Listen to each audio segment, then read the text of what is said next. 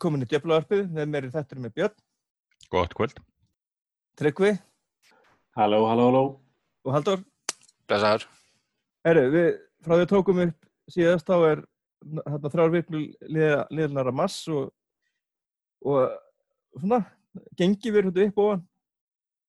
Við, við lukum náttúrulega februar á því að vinna Chelsea 2-1 og svo kom skröðlu leikum undir Krista Pallas sem að United var að tapa 2-0 í háluleik og svo mætt, eða ekki háluleik, hérna marg sikkur með við háluleikin og, og svo kom svona skemmtilegt comeback hérna, við kannski tökum smá umræðum það leik, hann tala svolítið síðan, þannig að, þannig að Haldur,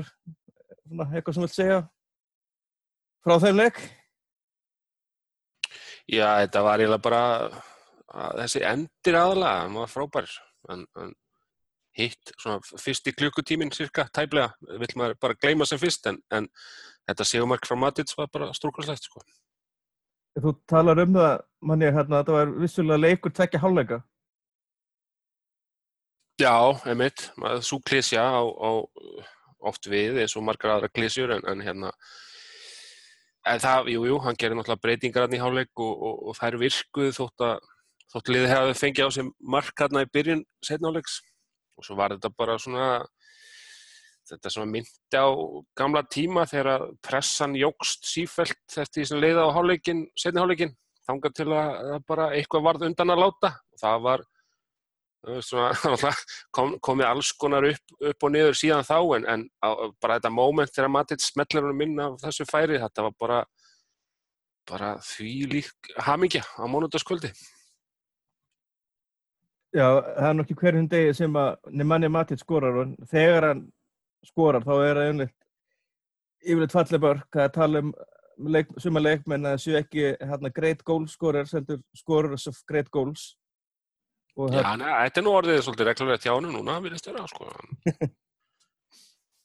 þetta, þetta er náttúrulega til verri leiði til að skora fyrsta mark fyrir lið, heldur en taka hérna skrýmer í undir restina. Já, ég var að í strætó, að býja til strætó, var að horfa leikin í, í, í símanum og ég ekki svolítið misti mig í strætóskilunum, betur fyrir að vera nú einni í því.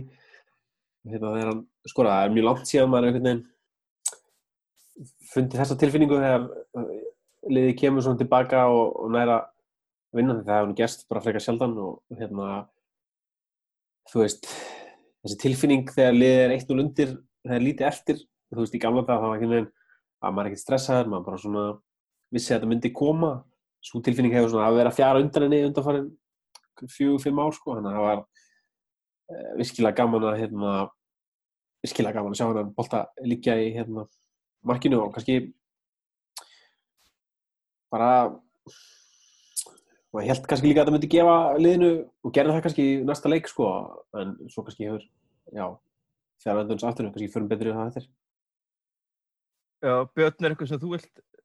bæta við um hennan palasleik? Já, bara gaman að sjá, sjá hann vinnast og sjá þetta sjumark eins og þið segja.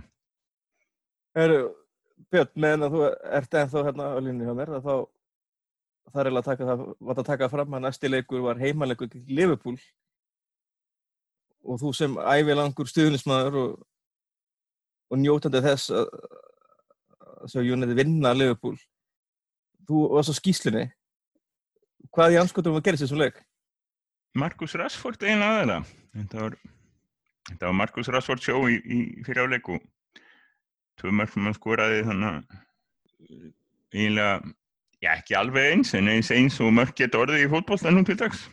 Tók Trentan Alexander Arnold í, í nefið tvísar og, og hérna Lukaku tók Lovren í, í nefið tvísar og tóð mörg. Og það nægði. Þetta var, þetta var ekkert fallegt en hérna en það, það er nú bara eins og það er að það er aðskaplega fátt fallegt þessa dagana. Svona eins og, eins og rætt hefur verið mikið en, en ég tek sig og liðverð hvernig sem er, hvað sem er, hvenna sem er þannig að það var bara mjög indalt að sjá þetta vinnast, það var hérna Leopold fekk í raun og veru eiginlega engin færi ef ég mann rétt, þá, þá komið tvö skot á ramman og bæði það senna held ég á 3001. mínútu hjá þeim þeir fengu einhver, voru að kalla eftir einhverju vítaspyrnum en, en það er eins og það er, það er komast er ekki alltaf dændar og, og það jafnast ekkit út í einstökum leikjum. Þannig að sigurum var okkar og, og gleðið var mikil en en við komum nýr á jörðina fljótlega aftur það þannig að þessi leikur er svo lítið svo lítið glemtur sko en, en það er aldrei aldrei leiðin að vinna Liverpool og, og eina sem vantaði var það að ég eiginlega vinn ekki með Liverpool-mannum þannig að, þannig að hérna þannig að mánudagunum var ekkert ofsaspes sko og væri, þó hann væri fín, maður þurfti að taka þetta alltaf á einhverjum einhverjum samskiptamilum Mér fannst þetta spilast svolítið svipa á hérna eh, 2-1 leikur á Anfield með hérna Louis van Gaal þegar Mata skoraði tvö mörg. Bæði mörgum þar komu upp hérna komið einhvern í gegnum fela íni þar sem Leopold gat ekki ráði við það sem hann var að gera, hann var bara miklu stærri og sterkari en allir í vörninni og, og hérna þeir einhvern veginn, hann einhvern veginn bara dominitaði vartamenn Leopold og, og skildi og það var svona mikið pláss í kringum hann og, og þetta var svo svipað, Mourinho fann hann einhverja veikleika í vörninni og, og, og nýtti þá og svo vel og, og Luka- Lukaku hann átti þess að miðverði alveg skuldlaust og Rashford nýtti tækifæri vel en manni fannst líka ég held að Mourinho hafi verið alveg fáralega ánægð með hann leik og spilamennsku leysins ekki bara þetta á Liverpool þetta er bara veist, einhvern veginn svona finnst manni upp, hann vilji hafa uppleiki í hverjum einsta leik. Það er að segja mjög þétti varnarmannlega gefi anstæðingunum engin færi á sér og skora líka snemma leiks. Um, þetta er svolítið eins og við erum nú í vann gal sko, að liðið veginn verður að skora snemma leiks til þess að að leikunum fari vel því annars einhvern veginn, ég veit ekki leikmenn hafi ekki svör við einhvern varnarleika og hérna uh, þegar liðið þarf að sækja sko. en þú veist, þegar við fáum marki og getur svo lagst næst tilbaka, það hefur henda liðinu útrúlega vel. Þannig að ég held að þetta, á minnst í stórleikinum er þetta uppleikið hjá Mourinho. Kannski að því að vantar smá plan B hjá okkur. Það vantar að hrista eitthvað upp í senni hluta leikja síðasta korterið, síðustu 20 það hefur ekki verið mikið af því undanfærið Nei, við sáum það allir sem þetta Palas þá einhvern veginn svona bara rúlaðan teiningunum og setti setti Lingard einhvern veginn í svona hægri bak kantvörð Rashford fór á kantinn veistur megin og í staðin fyrir að draga sig inn á völlinu sem gerist alltaf þá, hjekkar hann alveg út við hérna, hliðlinu þannig að allt í nú náðu að tegja hann svo vel á Palas sem er eitthvað sem maður ekki sé mjög ofta á tímbilinu að liðina að tegja svona á hinu liðinu þetta er einhvern veginn allt svo þétt í miðupakkanum einhvern veginn. Allir leikmennir einhvern veginn vilja spila hann alveg á miðinni þannig að þá sáum við smá plan B og það, það svínu virkaði sko. Já, okkur var síðan eins og við komum inn á kift ansi hressilega niður á jörðina bara næst strax í næsta leik. Þegar að að koma heimaleikni gett Sevilla. Ég hérna verða viðkynna að ég mista þessum leik og hérna las bara upp mann eftir og var bara hálf svona depressed. Ef ég fer að þig bara haldur er eitthvað er þetta að taka eitthvað jákvæmt úr þessum viðrögnum við Sevilla? Uh, ég veit það ekki sko. Þetta, þetta, hann fór svolítið eins og Tryggvi var að tala um áðan bara að, með þetta að, að United byrjaði rosa vel fyrstu svona tíu mínúturnar voru bara frábærar. Það virkaði svona eins og planið væri bara einmitt það að sækja mark sem fyrst og svo þegar það gekk ekki þá fjall bara leikurinn aftur í sama farið eins og hann var í fyrri leiknum það sem að það var bara eins og liðið væri rauninni mætt til að halda 0-0 stöðu. Og svo þegar að marki kemur af því að það gekk alveg ágætlega framan af Sevilla var þannig lið að þeir eiginlega voru með það gameplana bara ef þeir sáu á markið einhver staðar á vellinum, þá skutu þeir sem, sem er náttúrulega ég veit ekki, þú veist ég veit ekki, það er eitthvað það er allan að þú veist, gegn markmanni eins og DG þá er það aldrei að fara að trubla hann eitthvað mikið en kannski var þetta meira bara svona átt að virka eins og eitthvað svona sálfræðilegt pepp á liðið, að þeir væru bara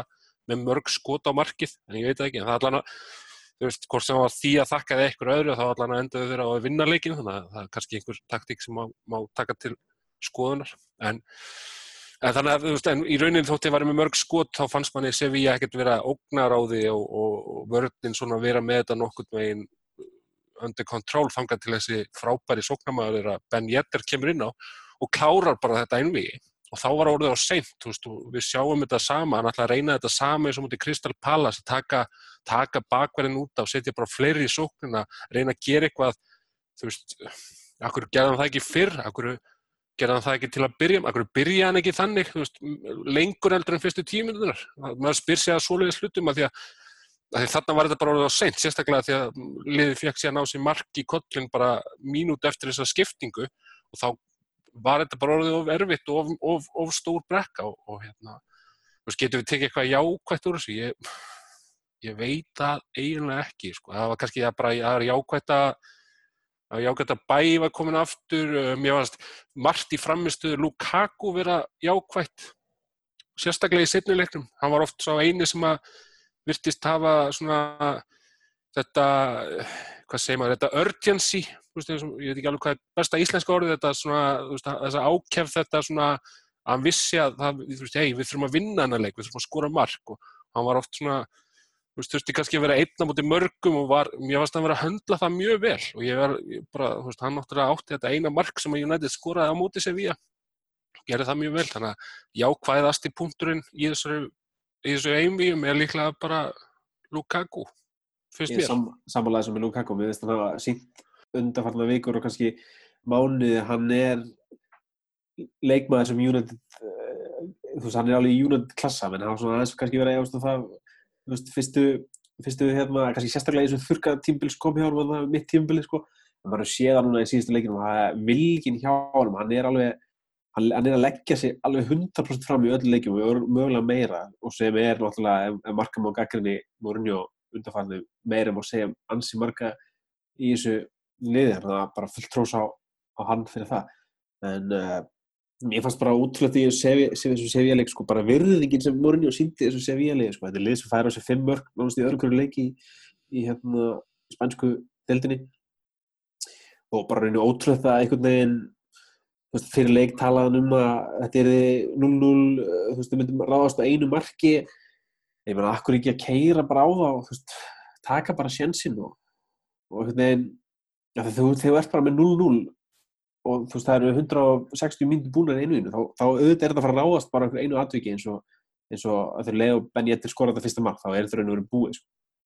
og hérna, mann finnst þetta raun bara ótrúlega einhvern veginn þú veist, þarft að stilla upp tveimur vartasinnu miðmönnum í, í svona leikum á Sevilla á heimavalli, já, er ekki allt lagi að hafa, hafa Pogba inn á framalega og þú veist, svona, svona, svona, svona, lengi áfram að telja, það er bara þessi virðing sem hérna, svona síndi þessu Sevilla sem var algjör óþærið, þetta myndi verið rosa mikið á með Vangal það er alveg ákveðin samansummerki á milli þess að Mourinho Tímbils og, og Vangal þá var Mourinho síðan og klálega að standa sér betur sko. uh, ég meina eins og mútið Wolfsburg hana í reyðleikefni þú veist þú bara stjóri mannstofnætti, þú bara gera þá kröfu að að liði klári einvíðum til Sevilla, það er bara eitt flókið. Og það er bara það sem þú átt að gera stjóri mannstofnætti og þú veist, hann klikkaði svo þeim þýðir bara það að hann er ekki að vinna vinnu sem nógu vel sem er náttúrulega bara látt frá að vera nógu gott Spurning hvort hann lærir af mistökunum ef hann verður ennþá næsta næsta auður. hann verður áfram næsta auður, það er ekki spurning Já, ég meina ef að tökum það sena kannski en ef hann klúra fjóla. En allavega, ég sá ekki leikin og er mjög fegin. Þannig að ég það var, það var eiginlega bara gott að, að, að við, ná, við þurftum ekki að tala um þetta daginn eftir leik. Við, við fókst fyrir upptaka þá en, en, En þarna einmitt kom til dæmis kannski í ljós eins og skortur á plan B eins og mótið Palast, þá svona breyttan svolítið mikið til, en í þessu CV-leik fannst minna bara einhvern veginn svona henda bara einhver vinna og bara ég vonum að eitthvað myndi eitthvað myndi gerast, sko, það var ekkert eitthvað svona plan, þetta skapaði Jónandi sér þú veist, kannski eitt, tvö færi í þessu leik, Lukaku átti kannski svona hálfæri og Fellaini komst í aldrei gott færi svona frekar snöfna, það var ekkert mikið meira um það. Og ég veit ekki, þetta er bara svona þú veist, þetta er alltaf svo, eh, þú veist, það er alltaf planað og þetta er líka svo einsleitt lið, ég meina, við erum með við erum með, við erum rauninni ekki með neitt hægri kantmann, við erum með svona Mata sem er kannski svona playmaker hægra megin og svo erum við með þrjá kantmenn vinstra megin, við erum Rashford, Martial og San Sanchez sem allir vilja spila sama leik og kötta inn, við við, við erum alltaf einsleitan leikmannhóp og uh, svona ítir undir þetta, þetta plan, plan að hafa ekki neitt plan B og, og svo, kannski með Lukaku að hefða hann hefur klálega bætt sér mjög mikið í þessum targetman bolta sem Mourinho vil spila, Þú veist, hann er miklu, miklu betri í því að bara sér það bara og fylgist með honum í leikinum hann er miklu, miklu betri að taka á móti boltanum og halda knettinum og koma nú með rétt anstæka þegar í byrjun tímbils þá var hann oft, mista hann boltan ansi oft frá sér þegar hann var svona að reyna að halda leikmunum frá sér og taka móti boltanum hann svona miðinni, hann er miklu betri í því. En ég finnst að þetta er miklu frekar að fara að nota bara sem svona þú veist, framhýrja sem er bara að hlaupa og elda boltan inn fyrir vördina því að hann er ekkit, þó hann sé svona stóra og sterkur það er hann ekkit, hæfileikar hans er miklu meira að vera svona fox in the box sko, fyrir að vera eitthvað svona batti sem er stór sko, þó sé það er þessi stóra og sterkur. Já, það er náttúrulega ekki hans sterkasti, sterkasta hlið heldur að taka bolta og, og koma um í spil, þá er hann vissulega hann hefur bara bætt það sko. þú veist, ef við myndum nota hann svona cirka sem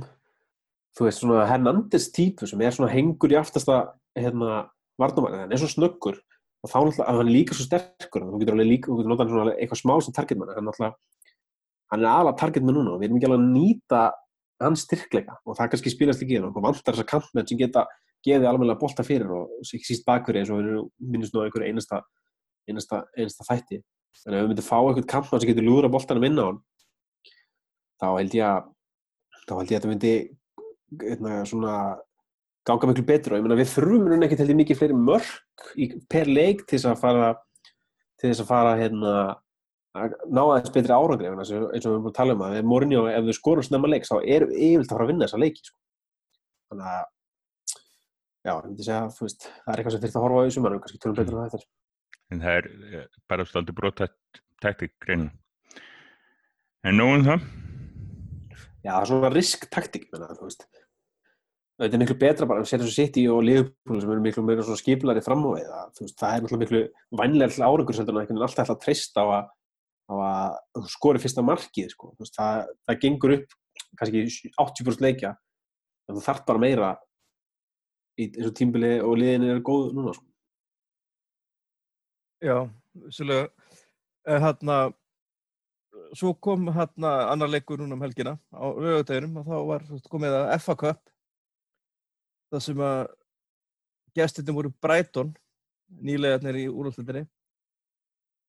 og við hórdum nokkur á leikin saman. Og Haldur þetta var ekki besti leikur sem sé og þetta var ekki svo vesti en, en áhugaverð svona það sem að United vinnur 2-0 og aftur sjáum við hérna Matic skora svona undir restina. En hérna mér langar að hoppa svolítið beint í hérna bara umræðana eftir leikin það er náttúrulega, það er náttúrulega menn hafa ekki verið að tala um neitt annað en þú veist það er búin vera eitthvað fórnarnampa væðing á Lúksjóð eftir leik og, og hann var inn í verið að teki Lúksjóð sérstaklega fyrir eftir hennar leik og menn vilja meina að sér hreinlega vera leikin í einhaldi Er þú sammálað því? Finnst þér Mourinho vera að leggja sjó í einhaldi? Uh, nei, eiginlega ekki. Hann er harkalega við hann, en það hafa nú fleiri stjórar tjáðsumann á svipum nótum, kannski ekki eins harkalega á Mourinho, en, en veist, það, þetta var Samo Vangal var að segja, Rói Hodgson var að segja þetta með landsliðinu, Pochettino hefur jafnvel minnst á þetta, og Luke Shaw er greinlega svona típana sem að, ég, ég hugsa að sé þannig típa fyrir þjálfara, hann getur verið bara virkilega frustrerandi af því að það er svo mikið potensial í honum, það er svo mikið, veist, það býr svo mikið í þessum dreng en hausin er bara ekki alveg í lagi. Og, og hérna, ég heyrði áhugavert viðtal við, hérna, hann heitir svo mikið sem Jason Dodd sem var að vinna í unglingastarfinu, var yfir unglingastarfinu hjá Southampton á áronum 2009-14 í rauninni bara þegar að, þegar að Luke Shaw var þar. Og hann var í viðtali hjá BBC svona mánudags þættinum þeirra og var að tala um Luke Shaw og var að tala um hvernig típan væri og hann sagði mjög margt sem ég fannst aðteklisvert í, í ljósi þessar umræði og hann sagði til dæmis það að Luke Shaw þurfti aldrei að hafa fyrir hlutunum þegar hann var yngri. Hann var alltaf langfljótastur, hann var alltaf mjög góður og hann gæti alltaf retta sér út úr vandraði. Hann þurfti ekki vera taktist góður af því hann hafi hraðan til að bæta upp fyrir það sem hann vantæði. Og, og og þegar hann komin á þetta level náttúrulega, komin á, á United þá er það ekki nóg að vera bara fljótur, þú þarft að þarft að vita hvað þú ert að gera. Þú þarft að hafa taktist bara sens á hlutunum, þú þarft að geta fyllt fyrirmælum. Og hann sagði það einmitt, myndist á það líka að, að, að hann væri svona típa sem þyrfti ofta að ganga á eftir og þyrfti ofta að, íta við og kunna daldi á og svolítið að nostra við. Sem er bara, ég meina, þú veist, ef þú ert hjá liði eins og Manchester United þá er alveg saman hvort að stjórin er, er Mourinho, Van Gaal, Fergie eða bara, þú veist, eða, þótt að væri Guardiola eða Klopp eða Pochettino eða hver sem er, þú veist, þú hefur ekki tíma til að vera nostra við einn gaur sem er bara ekki alveg með hausin í lægi. Þannig að, þú veist, það er svona, þetta sagði manni svolítið, svolítið um karakterin hans að, að ég held að sé svolítið þannig að hann, þú veist, svona hlutir eins og, eins og bara það sem Mourinho var að segja geta kveikt í honum. Maður hefur til dæmis séð það ég sá það bara í dag í frettunum bara, það var, voru einhverju að segja það að núna væri liðið allt í páskafrí nema Luke Shaw var mættur á æfingasvæðið á Carrington. Bara í aukaæfingar. Þannig að þetta er, þetta er greinlega kveik í honum en það sem að mér finnst og hefur fundist í einhver tíma að hann er svona típan það sem að þú veist, þú getur fengið eitthvað út úr honum, eitthvað svona nitro boost en það bara dugir í 100 metra og svo fer hann aftur í gamla farið. Og þú veist Ég held hann ekki framtíða United, ég held að sé út af því, ég held að sé út af þessu, þessu element í honum þar sem að hann getur, hann getur verið svo frábær og hann getur bústað sér upp í að leggja á sig eins og hann gerði þarna, þarna hausti á hann fóbrotnaði sem voru reynda bara sex leikir og, og þú veist, hann hefur aldrei sínt meira en sex leikir rauð hjá United, aldrei. Þannig að, þú veist, hjá Southampton þá hafa hann þetta kannski frelsi en það var ekki sama Ekki saman pressa. Ekki saman pressa, ekki saman standard sem veist, hann gæt komist upp með og kannski er þetta bara fint fyrir hann, kannski, þú veist, ef hann, ef hann fær aftur í þannig lið, ef hann fær aftur í svona hvaða liðir svona supa eins og og þá sem er núna, ef hann færi bara, þú veist, segjum bara Watford eins og það er núna eða eitthvað svona lið sem er bara þetta í tíundasæti, bara væri frábær þar, þú veist, gæti tekið svona, þú veist, átt frábæra leiki stundum, dotti aðeins niður á mitti og það var ekki stressast yfir í, það væri bara fint ferill. En, en þú veist, þú þarft að vera með hausin í lægi og vera tilbúin til þess að bæta þig með þess að þið ert á góðu, góðu stað til þess að vera hjá Manchester United. Þannig að, að því leiti þá bara þú veist, mögulega hefðan geta veist, mögulega hefðan geta verið eitthvað meira næs Mourinho, en hann er ekkert til þess að vera næs þannig að, ég, nei, einelti, nei ég segi ekki. Ég sé ekki mjög að bæta þetta, held að þú hefur svona kofur þetta ansið vel. Þú veist utan frá lukkar þetta mjög ítla skilur þú veist, þú gefur hann um 45 mindur í fyrsta sinni smá tíma að kýpa hann svo út af að því að hvað? Tviðsessinu komst bara eitthvað upp og gaf fyrir eða eitthvað svo leiðis hans megin. Og gleymið því algjörlega var hans sem gaf sendingur á matið sem tíjaði upp fyrirgjöfuna uh, fyrir markið sko en þú veist, eins og, eins og hérna haldur að búin að fara yfir þá, þú veist, þá voru klálega einhverju ást, þú gerir þetta ekkert bara af því bara, sko, til þess að vera leiðileg, þú gerir þetta því að það er eitthvað á, á, á bakvið þetta og ég held að síni bara enn og aftur hvað hugafærið er greiðlega stór hluti af þessu og hvað er mikilvægt að kann, reyna, reyna að kanna hugafærið á leikunum árum og kaupir það, ég veit svo ekki hvernig best að fara að því en, en það er svona eitt það sem Ferguson að hafa þessi góður í sko, að kaupa leikmenn með, með rétta hugafærið og hérna já, annars bara nefnum haldur sæðir Mér fannst þeim eitt svolítið fyrir ekki. Nei, ég ætla bara að spyrja hvort þú bæta okkur við. Já, mér fannst þeim eitt þetta með hugafærið það, þegar maður frétti það þannig að fljóðlega eftir hann kom til Manchester ég held að maður ekki heyrta fyrir hann eftir hann mittist að hann var þá hvað átjón, frekar en nítjón og hann tók ekki með mjög pappa með eitthvað svoleiðis heldur tók hann vínina með og þá fór maður að hafa smá efasendir um strákinn sko. það hérna það geta náttúrulega ekki allir verið eins og Gary Neville sem var kvatti við hérna 16 ára og hefði alltaf verið aðtunum aður og hefði ekki tíma í þetta. En að taka vinnuna með til Manchester United það er svona ekki ekki það sem að býst við á aðtunum manni það sem þið sögðus þetta var harkalegt og örgulega, já, dónalegt jável en uh, frá sjónarhóli þess sem var nöðsynlegt fyrir framkvæmdastjóra þá er þetta ekki agalega skelvilegt ekki minnir þú hvað hvernig sjó, sjó bregst við Nei, en svo líka, eins og við höfum farið yfir í eins og þetta áður, sko, er að veist, Mourinho gaggriði harkalega þegar hann vill sjá þín á árangri, sko. Ef hann er alveg samaðið, þá heldur hann kæfti. Þannig að, þú veist, ég held alveg að hann vilji, hann vill klálega reyna að ná ykkur út úr, út úr Luke Shaw, þess vegna er hann að gera þetta, sko. Veist, Luke Shaw ætti alltaf fyrst að hafa áhyggjur ef hann var, ef hann var ekki að segja neitt, sko. Já, hann er ekki, ekki hann að hrauna mikið yfir Darmian eða Nei, maður er ekki, maður er ekki minnst á hann leikmann, sko, en það er hann alveg klálega útleið, sko. Já, er, til, er blind, hvað er blind er meittur eða ekki Eitthvað svo leiðis, maður heyri líka ekkert um hann, hann er líka örglega útleið, sko.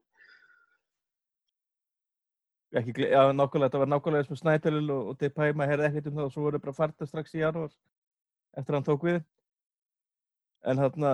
það sem við ætlum að taka, ætlum að taka upp í síðustu viku og, og takast nokkur spurningar og þá þarna held ég að sé fínt að taka hérna, fara bara að hoppa í djúbulegina með spurningarnar. Það eru ansið margar sem að, við fengum og ég þakka innilega fyrir þær og, og undir velni og kringstöðum hefur við farið bara í ítalega Mourinho umræðu eða- og hérna og farið svo í spurningarnar en það sem að allar spurningarnar voru mjög svona Mourinho tengdar og svo jafnvel Alexis Sanchez sem að við fengum nefnilega spurningu reyndar hérna 11. mars og hérna ég spurning frá Sigur hún Artúr á, á rauðdjöflum.is Þið spekingar bak við rauðardjöflunum.is okkur vantar greining og Sanchez. Margir að rakka niður en persónulega finnst mér hann komið með heilmikið inn í spilið. Harduglur bæði sóknum vörð, góður í styrtaspilinu og draugur náttúrulega alltaf í sig tvoða fyrir leiknum anstæðingana. Það spurning hvort hann vilji, hvort hann vilji tækifærtilega uppfæra þessa spurningu. Svo má ekki gleyma að hann er búin að vera hjá okkur einhvers tvo mánuði. Hvað finnst ykkur og öðrum hér inni? og annars teki hattin ofan fyrir öllum sem komið þegar gefa ykkur þrjústíma til Liverpool þetta er sem sagt bara eftir Liverpool-leikin og hérna Tryggvi ef við byrja á þér hérna Sanchez hvað er í gangi þar? Þetta eru allt ágæti púntar hjá, hjá hérna, Sigurjóni hérna þú veist, ef maður er að líta Björtur hérna sko, menn það er, hann gerir alveg margt ágætlega hann er, hann er, hérna, hann tekur til sín leikmenn, það er alveg rétt og, og til dæmis í leifbúrleiknum þá, þá sá maður að varnarlega var hann að skila mjög góður hluturki og hérna tók eftir til dæmis á 90. mínutu þegar þegar Lukaku var ekki, eða, kannski ekki 90. mínutu allavega undir lókleiksins, þá var Lukaku ekki langt frá því að sleppi gegn sko en, en hérna boltinn barst aftur til minjulegi markinu eða eitthvað slegis og hann sparkaði út en Sanchez spretti aftur aftur í vördina sko og ef maður ber það bara saman Miki Tarjan sem hann kom fyrir. Ég sé Miki Tarjan ekkert endilega hafa gert þetta þannig að það er klálega klús en við náttúrulega keftum Sanchez er svo sem ekki til þess að vera einhver einhver hérna einhver varnamann þannig að kannski ekkert vera ekkert vera og hrósum ofmikið fyrir það. Eh, hérna það er náttúrulega alltaf að reyna og, og hérna tekum mikið til sig eins og sagði en, en það er svo sem ekki þetta feila það staðir en það er náttúrulega bara búin að skora hvað, eitt mark og, og leggja upp ég veit ekki, mestalega eitt eða, eða, eða, kannski tvö. Þannig að ég held að háa hann svolítið sko bara einhvern veginn að vera að koma inn í lið á hérna í janúar. Ég hugsa, hugsa að þetta verður allt tölvöld skára í sumar eftir að búa hérna eftir að, að búin að æfa að fá þetta hálfa tímbil með, með liðinu og æfa svo í sumar. Ég meina að við þekkjum nú alveg þekkjum nú alveg dæmi um leikmenn sem hafa komið í race. þekkjum nú alveg dæmi þess að hérna, leikmenn hafi komið í United og í janúar ekkert staðið sem eitt sérstaklega vel til að byrja með en svo kjörsalega eigna sér treyjuna. Það var ágætilega að fara yfir þetta í mótirætt fútból með Gary Neville og Jimmy Carragher um daginn þar sem Gary Neville benti svona á að veist, hann er að taka flesta sína snertingar og reyna flesta sendingar alltaf aftarlega á, á vellinum, þú veist, hann er alltaf að reyna hann er alltaf að reyna að koma djúpur til þess að hérna, hann er kannski svona þess að slata að vera fyrir það hann er alltaf að reyna að koma djúpur og ná í boltan þess að búa eitthvað til þegar hann ætti kannski aðeins meira að vera að hanga frammi. Veist, við viljum láta að fá boltan einhvern veginn í í, í tegnum eins og kannski eins og sáum þetta Palas í, var ekki marknúmer var ekki bara í fyrsta markinu eða öðru markinu þegar hann hérna þegar hann uh, kemur í tegin og, og hérna það er eitthvað góðu skoti sem endar sem marki hjá Lukaku. Við viljum hafa þar og hérna þannig að ég held að þetta komi nú allt til sko en, en þetta helgast líka svolítið því að þú veist sóknarlega er flæðið ekkert sérstaklega mikið og hérna hann er alltaf hann að einhvern veginn flækjast fyrir, að þeir eru einhvern veginn allir að flækjast fyrir ykkur öðrum hann inn á miður vellinum og við þurfum bara einhvern veginn að svona þú veist, að það þarf að skerpa miklu meira á taktikinni fram á við, ég held að það sé svona að há honum bara eins og hinum sóknumunum í liðinu sóknuleikurinn er ekkert svakalega út pældur sko. Er, myndir, ert þú sammála því, Björn? Er, þú er hérna komið inn á hérna í podcastum að að Mourinho æði ekki sóknarleik. Sest það ekki bara svolítið vel? Er það ekki bara standið svolítið gott dæmi um það þegar menn er ekki kláður að því hvað það er að vera eða hvað það ætti að vera? Ég hugsa það sé mikið til í því. Það er búið að tala svolítið mikið um einmitt þetta að hann missir boltaninn að geða selpa meir en allir aðrir. Það er góð grein sem er E ESPN í dag, ekki í dag, dag eða ger, Michael Cox skrifa sem margir þekkja. Þessi statistík sko, hann er uh, þetta næri yfir allt saman sem sagt misefnaðar sendingar, sendingar á menn í rángstöðu, missir boltan, léleg snerting, vittlust innkast. Hann er á eftir, í deildinni þá er hann á eftir uh, hérna Kevin De Bruyne og Christian Eriksen í þessum, þessari statistík með, með færri bolta sem hann hefur mist. Á Spáni er maðurinn sem er á toppnum í þessari statistík, hann er til Lionel Messi. Þetta, þessi statistík hefur notið til að berja svolítið á, á Sanchez en, en er augljóslega marklaus einu og sér. Vandamálið er það að hann er búinn að skora eitt mark í tíu leikjum. Það er vandamálið. Við keiptum hann ekki fyrir svoleiðis return. Það er eiginlega alveg ljóst. Það, við vitum það líka, það er alltaf að vafa samt að kaupa menn í janúarkrukunum. Það er margótt komið í ljós í gegnum árin. Og ekki bara hjá United. Og, og einmitt þetta. Það er, hann er ekki að smetla alveg nógu vel saman við liðið og það sem mér hefur fundist vant er það að hann þá bara að segja hann er ekki allavega að smetla við látum hann halda áfram en, en, en við þurfum stundum plan B og þá fer hann út af. Hann er aðeins og heilagur með það finnst mér. Sérstaklega með til þess að við erum með sko þrjá minnstrikantminnir og einmitt framan af tímabili þá vorum við þessari frábæru stöðu að við getum Marshall og Rashford skiptast á og þeir spiluði yfirleitt gríðar vel hvort en það var. Þannig að ég held og mig grunar að, að það sem eftir er tímabil þá er því Sanchez ákveðin lúksusleikmaður en, en svo á hann eftir að smetla saman við liðið í sumar. Hef engar ágjör að því þá. Já, Aldur, vilt þú eitthvað? Já, mér finnst það bara, mér finnst, ég var ekki búinn að sjá þetta Monday Night Football dæmi sem að Tryggvi var að vísa í, mér finnst það mjög áhugavert að því ég var aðeins að kíkja á, kíkja á tölfræðina hjá Sanchez svona bara eftir, eftir að kom fram, veist, allar þessar spurningar og öll þessi umræða og ég talaði nú um það sjálfur til dæmis í leiknum eftir Sevilla-leikin á skýs, í skýslunni að hvað hann hefði verið dabur og allt þetta. Svo fór ég að kíkja aðeins betur á tölfræðina og ekki það að hún bjargjunum endilega, þú veist, auðvitað, auga sér það sem auga sér og manni finnst, og svona, maður upplifar það eins og hann sé ekki sá leikmaður sem við vitum hann getur verið. En hann var samt að búa til fimm færi fyrir samherja sína í þessu leik gegn Sevilla og hafa meira eldur en bara allir aðri leikmenn, mun meira en allir aðri leikmenn í, í Unitedinu. Þetta er sérst þá bara sending sem verður að einhvers konar færi eða tilraun. Og hérna hann var með fimm slíkar og, og, og Lingard, Lukaku og Rashford samtals voru til dæmis með fimm. Og það er svona, þú veist, þetta er áhugaverð pælinga, þú veist, hann var auðvitað að gera eitthvað, þú veist, ef við tölum til dæmis, ef við tökum hérna húskort síðuna, tölfræði síðuna, þá er, þá er hann núna í öðru sæti yfir sko meðal einhvern leikmanna, held ég á eftir, hvort það sé á eftir Pogba eða einhverjum, þetta er svona, þú veist, náttúrulega Pogba er alveg heil um, umræða í önnur sko, en, en þú veist, svona tölfræðilega séð þá, þú veist, það er náttúrulega mælir í rauninni, tölfræði mælir, þú veist, hvað þeir eru að reyna að gera og hvað tekst hjá þeim af því sem þeir eru að reyna að gera. Og maður svona, ef maður líka byrð saman tölfræðina hjá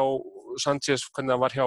Arsenal, þá er hann að, hann að skjóta tölvört minna í, í leik, þú veist, hann var að skjóta kannski, já, þú veist, ég meita hérna fyrir fram með mig, hann var að skjóta 3,6 skot per leik með Arsenal og það er dottið nýri í 2,2, þannig að það er kannski ástæðan fyrir að hann er ekki að skora eins mikið, þótt að alltaf eitt marka mótið sjö, það er svona ekki alveg í, í, í samræmi við, við það það, þá minkun sko. En hann er, veist, hann er að reyna eins og til dæmis, eh, ég veit ekki hvað er íslensk orðið yfir dribbul, að, að taka með ná. Er, þú veist, það, það hefur alveg aukist til muna, hann er með tvöfalt fleiri tæklingar í leik og, og veist, hann er alveg að leggja ímislegt á sig, hann er bara veist, hann er að vinna skallabolta bara í hverjum einasta leik, það er alveg útrúlega magnað.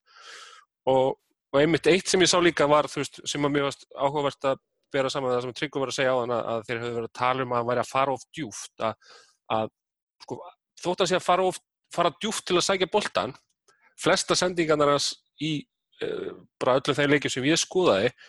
eru alltaf á síðasta af alla þriðjungi á sóknar þriðjungi meða við United. Og, og langflesta sendingarnar eru alltaf fram á við. Þannig að alveg saman hvort, þú veist, þegar hann er fram á við þegar hann er komin hann upp að tegnum það bara kannski helst í gallin er að hann þarf að fara í gegnum leikmenn hann þarf að reyna að sóla menn, hann þarf að bera boltan upp.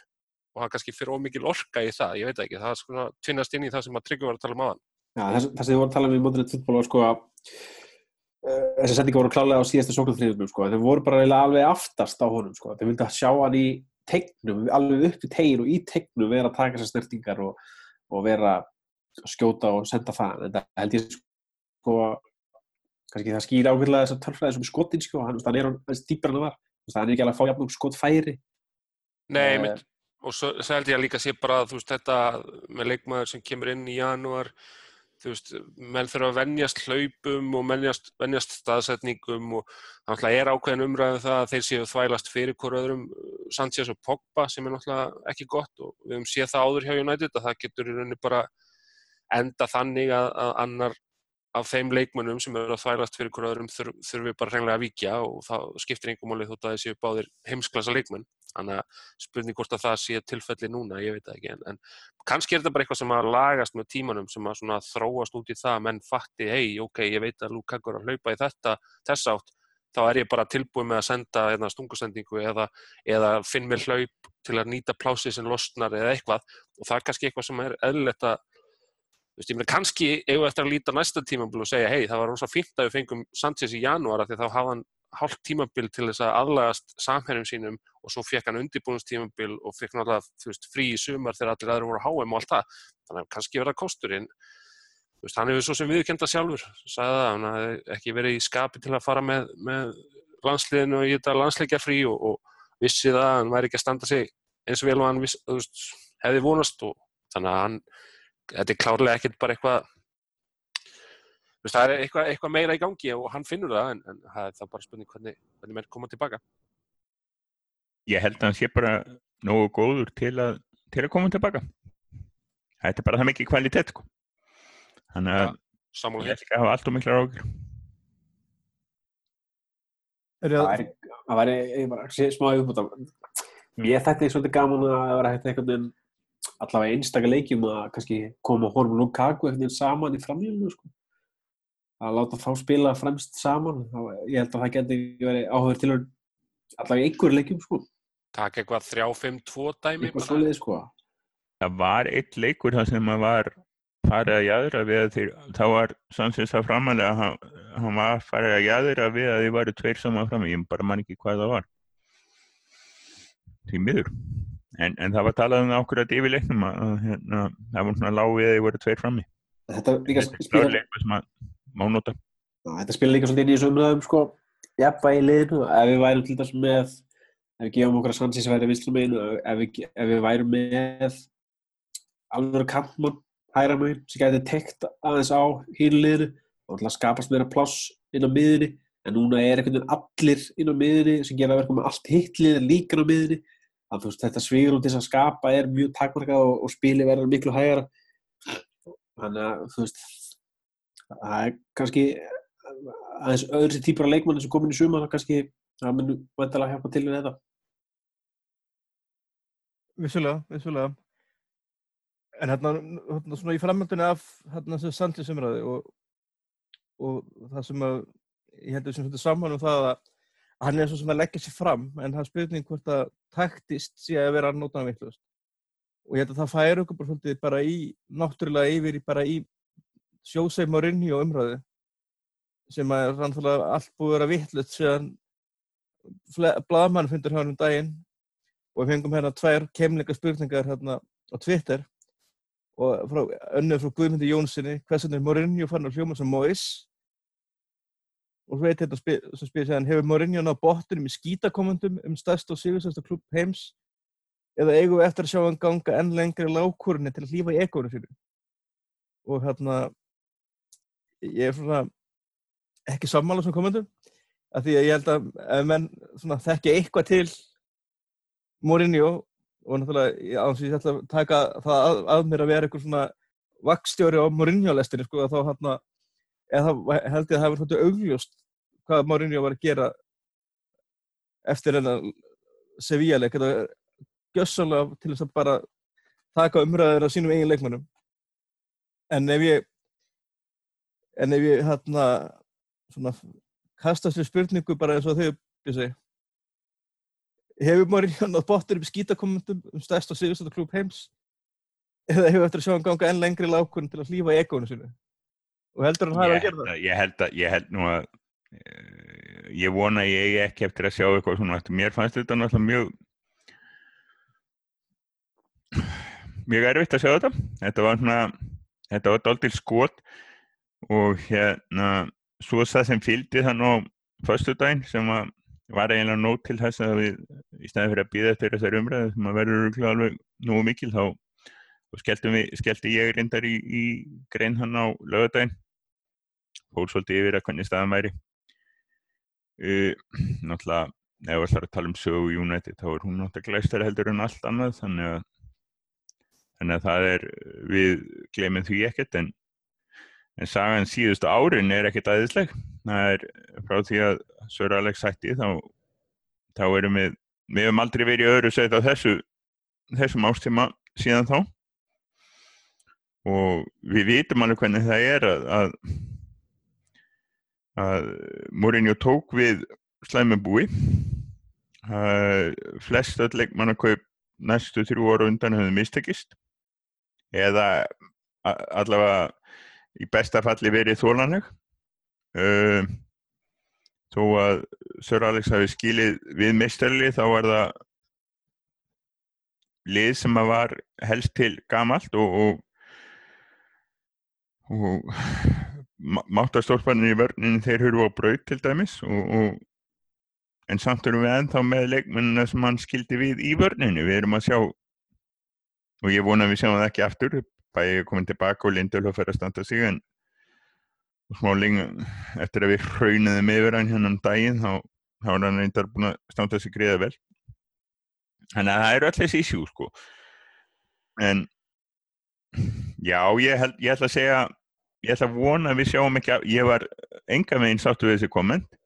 Ég ætla að vona að ástæðin fyrir þeim hafi verið þessum telur og ég ætla að vona að við þurfum ekki að, að sjá hann aftur hauna yfir, yfir sögu United. Mér fannst það það slæmt.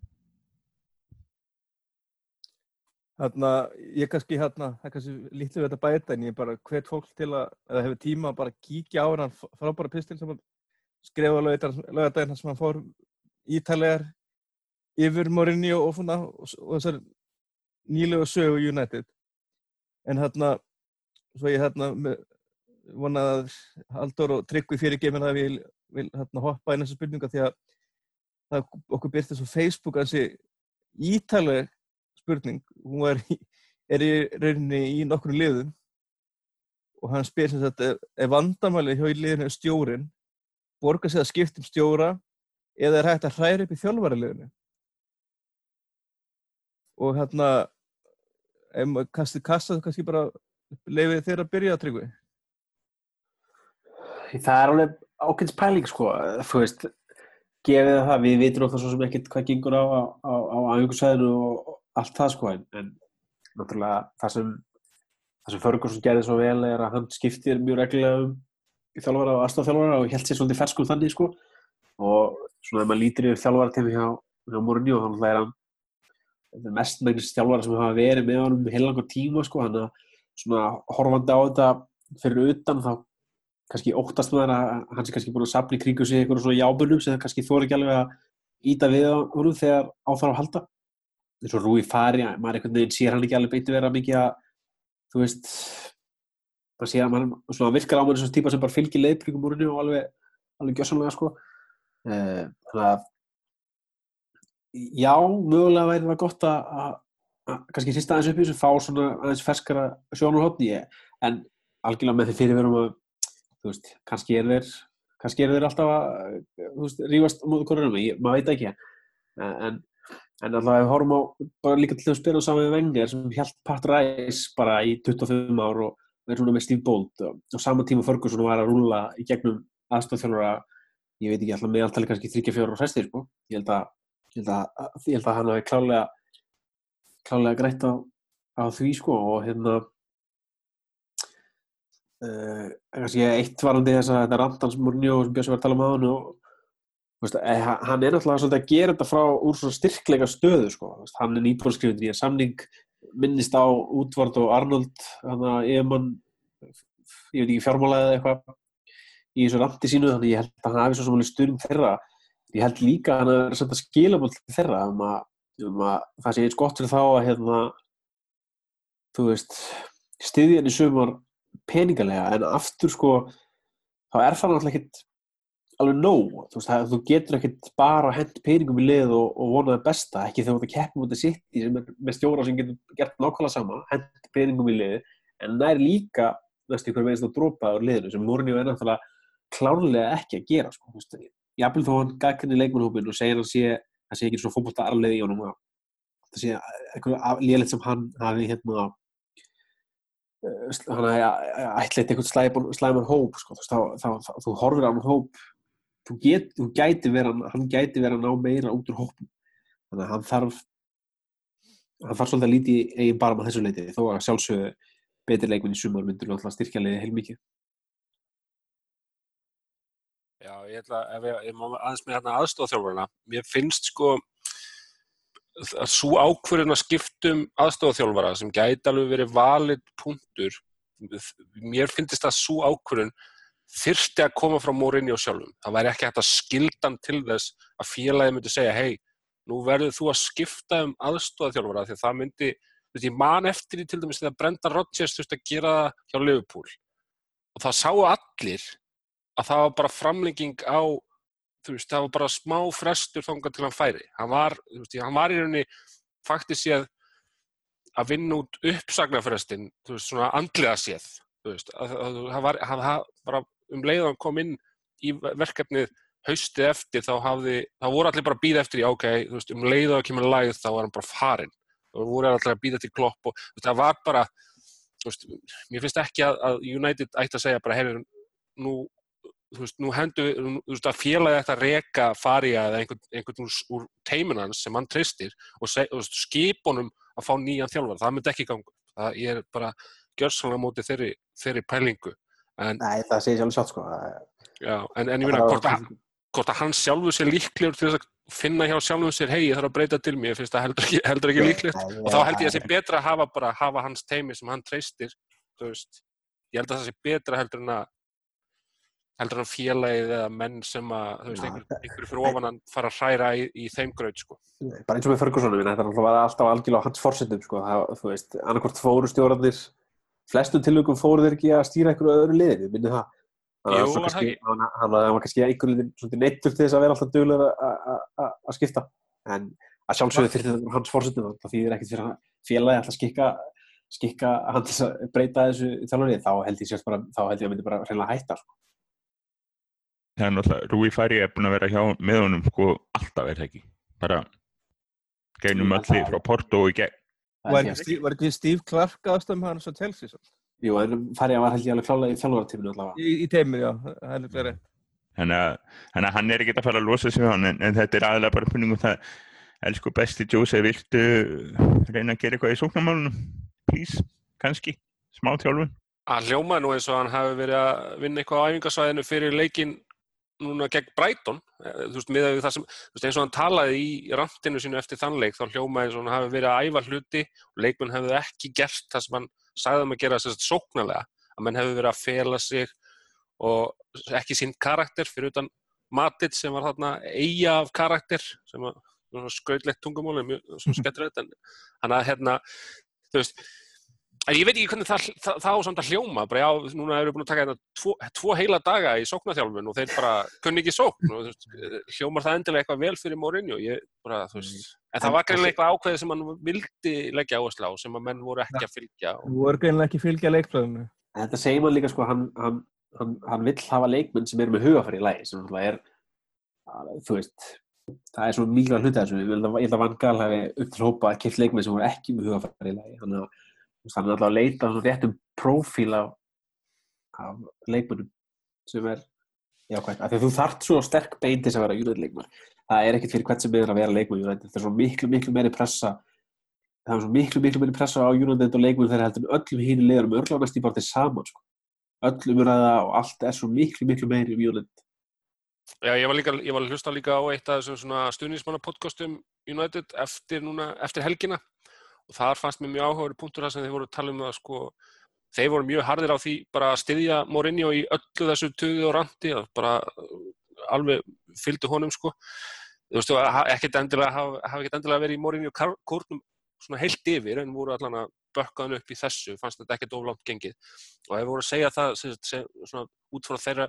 sjónarhóttni hafandi verið að mæta reglulega á völlin, á leikina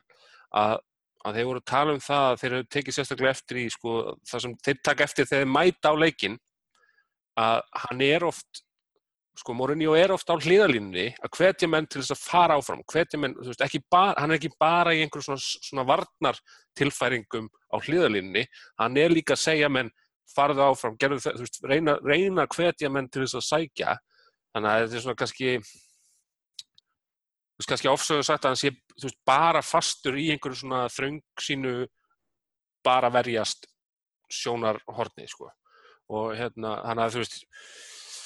já, og það var eitt sem þeir myndist líka á, veist, með þessa bladamannufundi að þetta er náttúrulega eins og með Luxjó eitthvað, þetta, veist, það sem gleymist stundum er það, hann, það er ekki eins og hann hafi brittað upp á þessu fyrirbræði hann, bara, hann var spurður á einhverju spurningu og hann svaraði þeirri spurningu. Og maður veit að líka með Mourinho stundum, stundum mislíkar honum hvernig spurningar eru orðaðar og þá eiga svörina til að, að, að lita, litast af því. Þannig að þú veist, ef hann er of harkalegur gagvart einhverju leikmanni þá, þá gæti það líka verið út af því að honum bara fannst spurningin asnalega orðið eða eitthvað svoleiðis. Þannig að þú veist, ef, ef, hann, ef hann finnst eins og bladamæður sé að reyna að koma einhverju vandamáli sem að sjó á yfir á sig þá kannski svarar hann aðeins meira nasti heldur en hann hefði annars gert Já, það sem hann, að, það hann segir, hann segir þess að fá viðbröð, það er ekki frá leikmönnum, það er frá, það frá, frá stjórnirni, sko. Bara eins og í, í, í haust, þegar hann var að kvart yfir að ekki fengi fjóla leikmanninu og svo, þú veist, færa hann Sanchez í, í, veist, þetta, þetta er svona, þetta er alveg að virka og eins og Maggi sagði, þú veist, að klálega var þetta að minnst að hluta til þetta rátt eftir leikinn að fá þess að tala um hann en ekki, ekki liðið sem er alltaf bara þú veist, knastfundu stjórafræði 101 skilur, þetta, þetta, þetta er engin eldflögu Mér finnst það mjög fyndið samt, núna eru allir að tala um það að hann sé að tala um það til þess að allir sé ekki að tala um eitthvað. Þannig að þú veist, þá er allir að tala um það frekar en það sem hann segir í rauninni. Það það er komið, þetta er komið á eitthvað svona, eitthvað svona þriðja stig, þetta er orðið svona meta distraction, allir, allir vita að þetta er distraction og tala um að þetta sé distraction og tala alveg um hvoran hlutin nákvæmlega, sem er að ekki, meina. tala, tala ekki um leikinu þetta virkar. Ekki um neitt, sko. En, en að þú segir þetta sko talandi um þetta podcast og Mourinho stuðningmenn, ég er þetta er náttúrulega búið að vera ansi vilt vika og það eru ansi mörg marg stundins fólk sem er alveg á, á því að ég reka Mourinho strax og og, og minna að það var aðeinslegt ef við getum rekið Mourinho og ráðið Pep Guardiola eða eitthvað svoleiðis en, en ég, ég bara sé það ekki. Ég það er náttúrulega fyrir það fyrsta er ekki að fara að gerast. Það er eiginlega alveg ég sé engan stuðning við það hjá stjórninni. Uh, við sjáum það líka að uh, það er búið að vera alltaf mikið rót hjá United undanfærið ef við rekum, sko ef við rekum hann þá þurfum við að gera það sama og fann gal, láta hann vinna byggarinn og reka hann svo daginn eftir. Ég var einmitt að samna myndum fyrir þessa grein og sá myndirnar af byggarústættaleiknum þegar fann gal er að koma upp og taka við medalínu og, og Woodward er þar og, og bæði er þegar Woodward er að býða eftir að hann er næstur í rauðinni við Van Gaal og svo er hann að heilsa Van Gaal og það er ekki með brosið og, og báði vita sko að rýtingunni blóður í hendina á Woodward og þess að Van Gaal vissi að þetta er eitthvað ég sé það ekki gerast aftur. Sko ef, ef allt hlúrast ef að Mourinho vinnur ekki byggarinn og lendir í fintasæti þá gæti hann mist vinnuna en nei ég held að ég held að honum verið treyst fyrir ég er búin að segja þetta núna sko síðan að var ráðin að ég treyst honum til að kaupa góða leikmenn ég treyst honum til að skilja þokkal og búið reyndar má hann nú ekki gera mikið af því í sumar að kaupa 29 ára gamla leikmenn á en ég fyrir að verða nettpyrraður en ég held að ég er akkurat á þessu að það er við verðum bara að hafa smá þólimæði fyrir því að, að þetta verði enn eitt tímabilið sem verðum ekki mistarar svo kemur bara ljós næsta tímabil hann fær ekkert meira en næsta tímabil. Það er alveg ljóst, en hann fær næsta tímabil og, og hvað langt inn á það fyrir eftir úrslit? Sko, þó, ég er ekki að gera lítið úr hérna, að klálega geti hlutinni verið betri, klálega geti júruð verið að spila skemmtileg fókbalta, klálega eftir lið að vera að koma lengra klálega United að spila dead boring fókbalta það er bara alveg á hreinu það er stærinn já, já, það er stærinn sko. Ég ger lítur því en umræðan er svolítið eins og það sé bara allt í hers höndum það sé bara allt að rinni eins og liðið sé bara í sko, ég veit ekki, sjöndasæti og sé bara, bara út á túnni allstar sem er alltaf klálega ekki í raunin Þetta er eins umræðu og var þegar við vorum í sjöndasæti Já, en nefnilega, þetta er sama umræða og var með vangal og mögulega móis að einhver leiti, en hún á ekkert rétt á sér, þetta er ekki staðan er ekki alvarlega þá sko hann er búin að kaupa miklu betri leikmenn liðar nokkuð þægilega í öðru seti á undan líklega allavega topp þrýr bestu liði sem hefur spilað í þessu úr að stilt uh, þannig að þú veist þetta er það, ég veit ekki þú veist hver umræðan það leifbólmenn stjórnum svolítið umræðinu þetta litast kannski svolítið af því að þeir finnst það voru gaman að vera hérna að styðja þetta leifbólið sem spila svo rosa skemmtilega fókbaltæði en þess að þetta ekki nokkuð skapaðan hlut sem er alveg magna eitthvað ámættist að lið sem hefur séð langa tíma, hvað er búin að lenda oft í öðru seti síðustu eh, tímbil, tviðsvar á 8 ára tímbilum og vinna einn byggar síðustu 11 tímbilum og eða eitthvað um 800 miljónum en ok, þið spila skemmtilega fólkvölda, frábært. Nákvæmlega. Já, ég meina, það er það er ákveðat það sem er að gerast. Er það að Leopold að spila mjög flottan fólkvölda þeir eru með þennan frábæra uh, framherja Mósala og náttúrulega svo er City sem er að bara gera eitthvað allt, allt annað eldur um við um séð síðust árin. Og hérna fótbóltalega sé að bera sér saman við þau, það er ekki hægt við erum ekki nálægt í en bara sko ég má ég taka gamla kallin á þetta? Hef ég leiði Já, ekki svo vel. Sko hérna þetta er svolítið flóki United rak Dave Sexton fyrir að vera að spila leðina fólkbólta eftir hann að unni sjöleiki röð í lóktíma Bills sem að skipti held ég máli með þriðasæti eða fjóruðsæti sem við lendum í á endanum. Uh, það var sko eftir það var, það var sem þetta fjóruða tímabilaðans og hann hefði ekki týnt nefn eitt byggar og hafði tekið við nota beni skemmtilegasta liði sem United líku við hefur átt skemmtilegast uh, Atkinson spilaði rosa skemmtilegan fótbolta það er rosa gaman á Twitter það er allir rosa hrifnir af, af því að Norman Whiteside sé á Twitter. Og hérna da, sko hann er úr fjarskafallegur hvað það varður hann er verður í minningun aðeinslega góður. Hann meiti snemma, misti hraðan sem er enginn fyrir og, og varð född á miðjunni. Og hérna Atkinson náttúrulega var fyllibittað eins og sem var ástæðan fyrir að hann var látið fara. Sko það, það, það er svo bjart yfir til dæðin Stokkertí, það er svo bjart yfir Atkinson að því að það var spilað og svo skemmtilegu fótbólti sem skilaði þrjami byggur og við erum búin að fá einn núna, við fáum kannski tvo núna á þrjumir orðum. En málið er bara það að við þetta er 30 árum síðar við erum í þessari þessu umhverfi þar sem að það, að kaupa leikmenn er nummer eitt þar sem allir geta kipt alla dýrust og bestu leikmenn í heimi ekki bara einn á ári eða eða tvo í bestafalli það er hægt að samkað sér heilu landsliðunum. Í þessu umhverfi þá þá er svo erfitt að verða ekki undir og United varð undir trekk í trekk. Og það er basically það sem hefur gerst núna allavega þeir eru allavega vanarði að vinna fyrir utan þennan Sevilla-leik sem var skelvilegur og eðilegur svo litið argumenti en á meðan Mourinho er þennan vetur að sína það að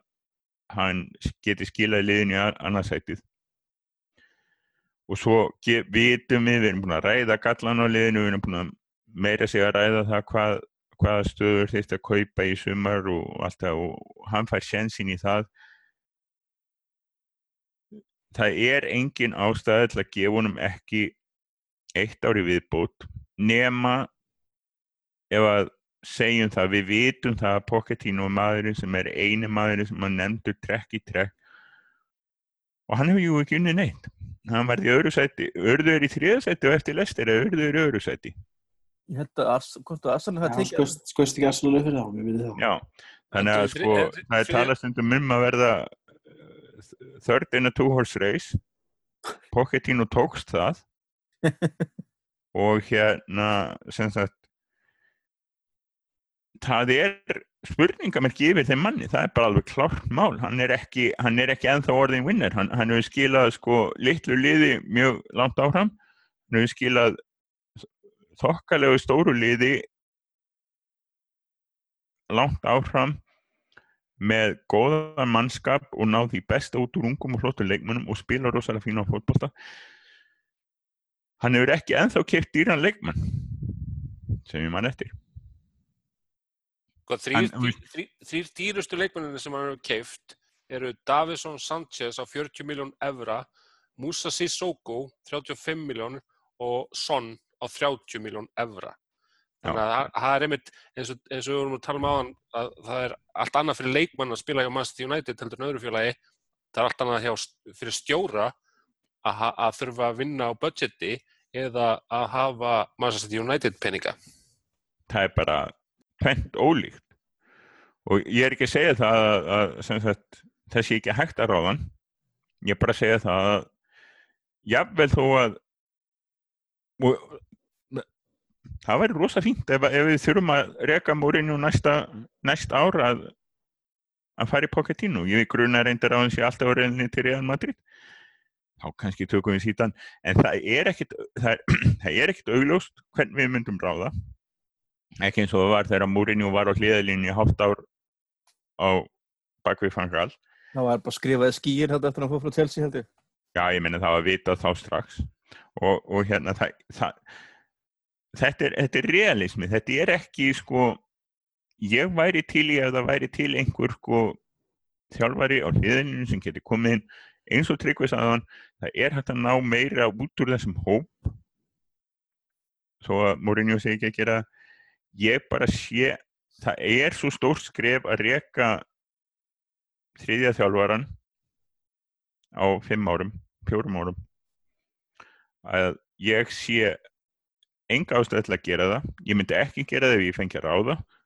og ég skil alveg fullkomna hversuna það er ekki gert ég skil eins og það er þau sem hvart undan leiðinu og fótbolta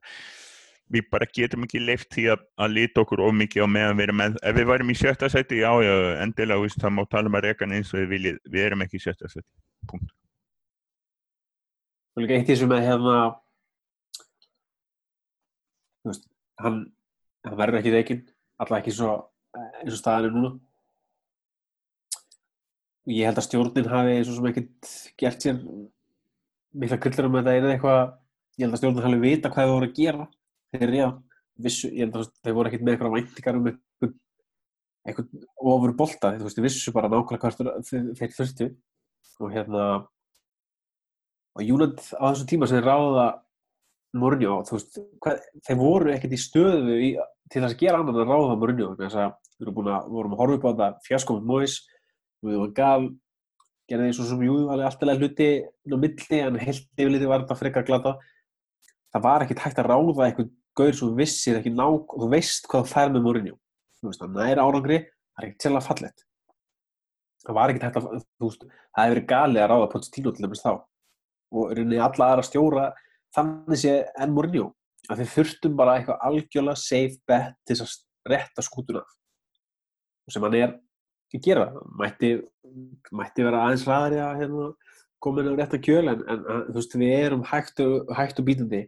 erum við að sigla í, í, í rétta átt og það voru náttúrulega ekki hvað, ég meina, ok, kannski ef við fengið Kotti, hann, hefði kannski getið gert eitthvað svipað, ég veit það ekki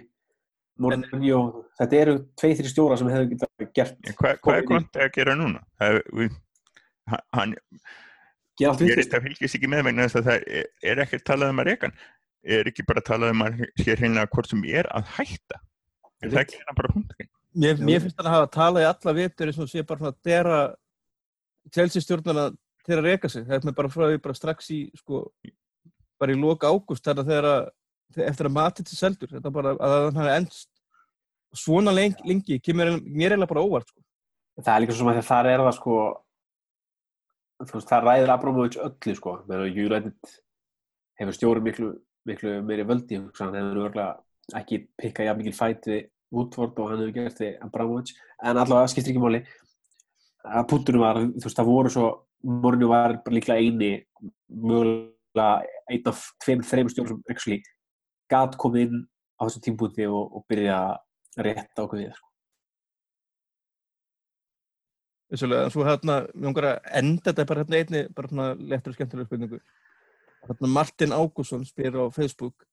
eru peningarnir búin að eðilegja það sem við sjáum, það sem við sjáum mjög fáa leikmenn nú sem eru til að deyja fyrir klubbin?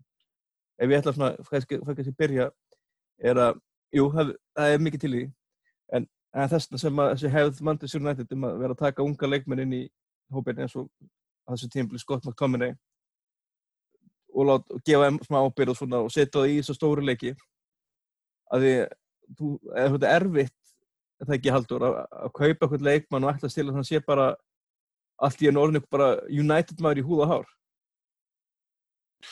Jó, ég held að sé, sé alveg rétt, sko. Það náttúrulega eru, þú veist, sumar þessar típur sem að veist, virka bara eins og þannig leikmenn, alveg saman hvað þeir eru að spila. Það er svona, eru leikmenn sem að hljóta að vera ansett dýrmætið þess að dana og svo svona eru kannski leikmenn sem að, þú veist, eins og maður maður alltaf að sjá einhverja leikmenn fara og þá segja þér, þú veist, jú, jú, það var alltaf draumur minn að spila fyrir þetta félag, þá til einhver grefur upp nákvæmlega samskonar umæli um öll félag sem hann hefur verið hjá fyrir þann tíma, sko. Þannig að þetta er svona, það væri- það Þú veist, að ég, held, ég held samt sko, að, þú veist, eins og leikmenn sem er að koma til United þá, þá sé það alltaf þetta að þeir vilji komast á hann að stafna þeir vilji þú veist, spi, þú veist, þeir vilja eins og núna náttúrulega kjöri tækifæri að, að, að koma til Manchester United og vera veist, hluti af eða bara kannski aðal maðurinn sem að gerði Manchester United aftur að stórveldinu sem að veist, það var og, og er svona veist, kannski ekki lengur þú veist, svona, á sama leveli svona á fótbolt inn inn á vellinum allan. Þannig að þú veist, það er alveg, alveg það er alveg, hvað segir maður svona, eitthvað, til, eitthvað fyrir leikmenn að sækjast í en, en þú veist, ég hef enga trú á að, að meira segja að þú veist, þessir þú veist, jú, örgulega einhver sem er bara í þessu bara fyrir penningin, en, en fyrir þann sem er komin á þetta level, þá snýst þetta um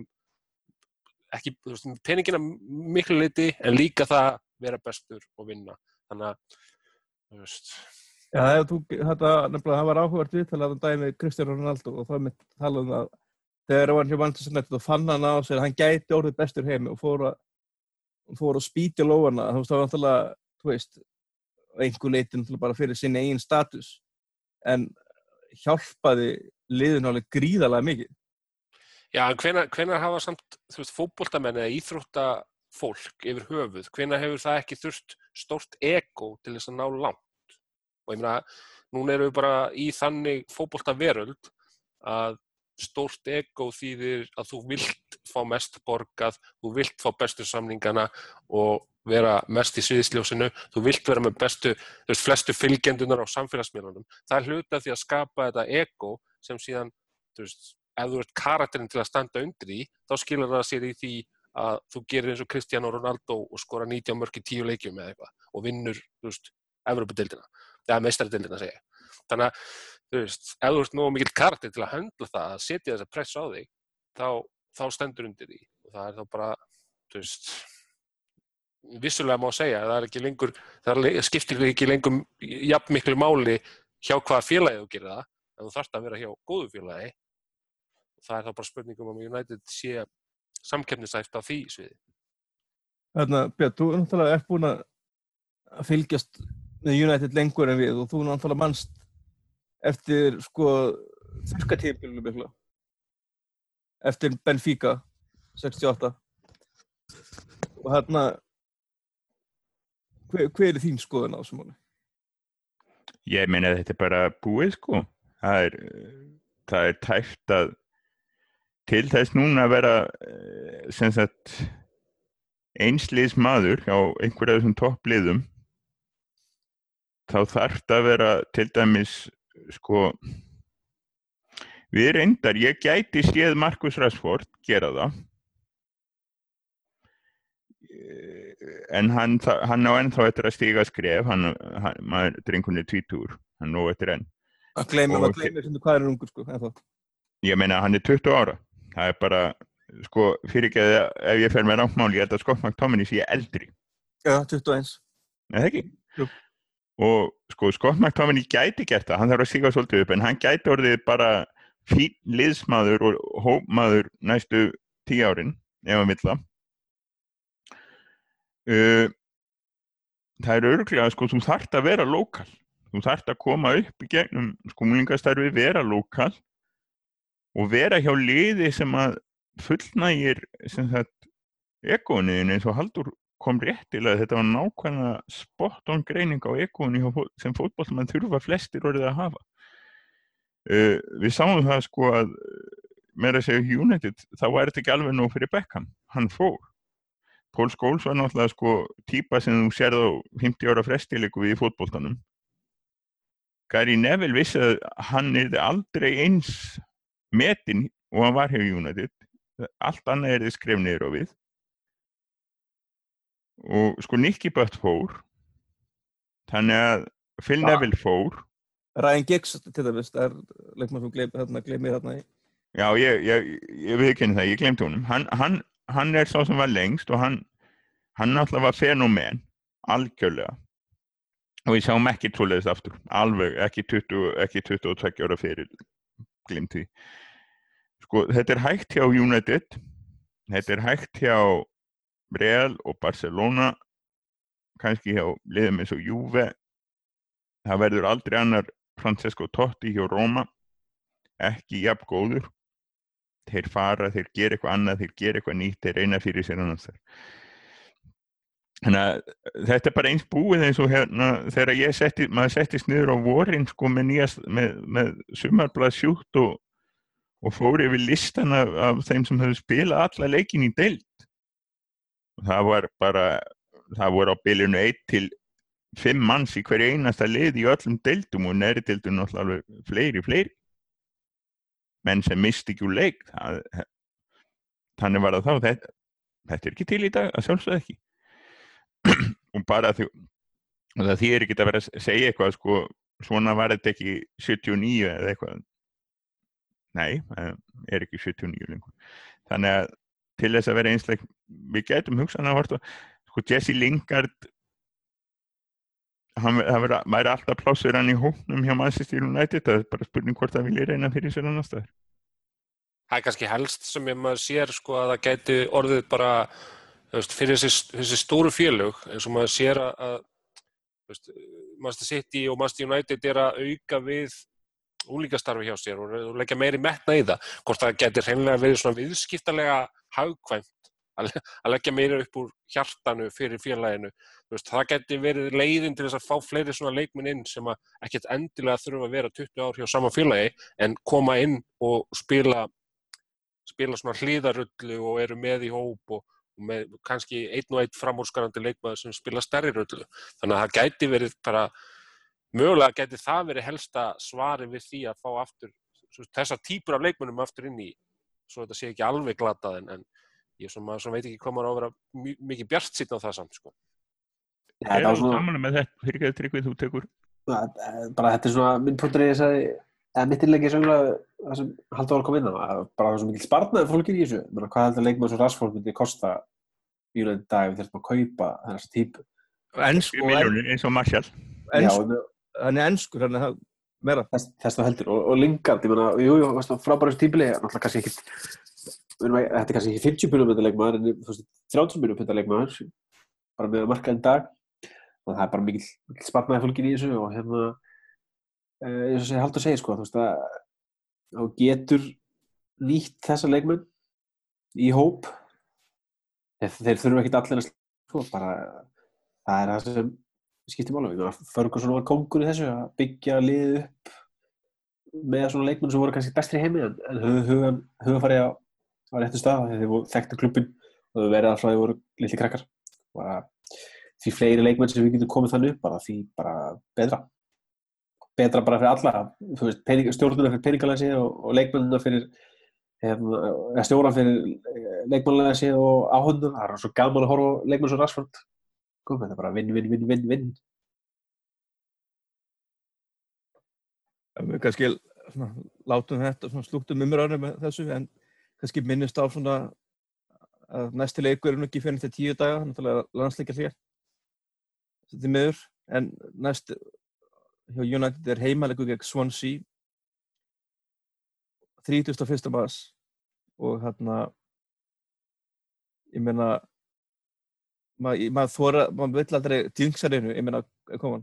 þú veist, ég er þetta er á sigrast samfærandi eða ekki? Haldur, að byrjum þegar bara tökum bara línuna. Uh, jú, jú, það ætti að gera en sé ég svo sem uh, ekkert búið að vera á hrikalegu róli síðustu, eftir að við skiptum stjóra sko, þannig að hvað er þetta útilegur eða? Já, Old Trafford já, heim, já, heim, ok. já, jú, Old Trafford það ætti hann að vinnast sko. unnum um hvað útileikin 4-0 já, já, einmitt. Jú, þetta er, þetta er sigur. Svo er bara leikurinn eftir það sem að hérna, maður kannski nefnir ekki að pæla allt og mikið. Nei, við tökum, ég, vil- við tökum upp næsta þátt það verður sem sagt fyrir sittileikin, það verður bara svona sitt í uppbytun og svona þannig að það verður auglist bara síðar en Björn, ert þú sammála okkur tryggva og tryggvi? svona sí já, Já. já, ég meina allir leikir eiga að sig- vinnast núna nema, nema ég ætla ekki að gera ráð fyrir að við vinnum sitt í á, á, á Etihad. Nei, og orðan, orðan þannig tap eða jættefli gegn svonsu þá getum við þessna þurft sko getum, er það orðan þannig að við getum verið að sjá með því, þeim úrslitum sitt í verða meistara gegn okkur? Er það komið að það stig? ég held að það sé nóg fyrir að vinna tvo leiki. Ég held það. Er ég, ekki, það- ég, ég, ég hef svolítið missjónar á efstaliðinu er ekki þannig að ef að United klúra Swansea leiknum þá gætu þurft að standa heiðusvörð fyrir City, er, minnir það. Ég nenni ekki að vera að rekna ómikið út þannig að bara kemur að því bara ekki, kemur að því. bara, bara ekki láta það gerast elsku strákarnir mínir, bara please. Ég held að það veri, það er svona flókið, ég held að veri sigur. En ég get svo upplýstu það að þó að þessi landsleiki hlið, Ísland var náttúrulega tvo, tvo leiki í bandarækjunum sem verður mjög ókristili á ókristilum tíma, en ég heldur geti upplýstu það að- að fulltrúi rauðu djöfluna verður, verður með, með ljósmynd að passa á leikið með búið Peru. Sigurjón verður á myndaðli fyrir, fyrir eh, miðla á á, leiknum.